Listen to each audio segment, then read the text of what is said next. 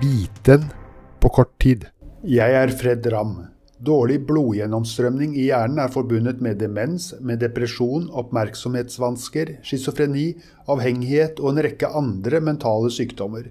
En ny studie av 17 000 personer viser at blodgjennomstrømningen i hjernen faller suksessivt med økende vekt, fra undervekt til fedme, i alle voksne aldersgrupper og etter at det er korrigert for demografi og psykiatrisk sykdom. For Alzheimers demens er dårlig blodgjennomstrømning i hjernen et kardinalfunn ved sykdommen. Det er særlig de deler av hjernen som er sentrale for kognitiv fungering som viser størst nedgang i blodgjennomstrømningen. Målingen er gjort både i hvile og ved konsentrasjon. Det gode budskapet er at blodgjennomstrømningen øker ved vektreduksjon, riktig kosthold og fysisk trening.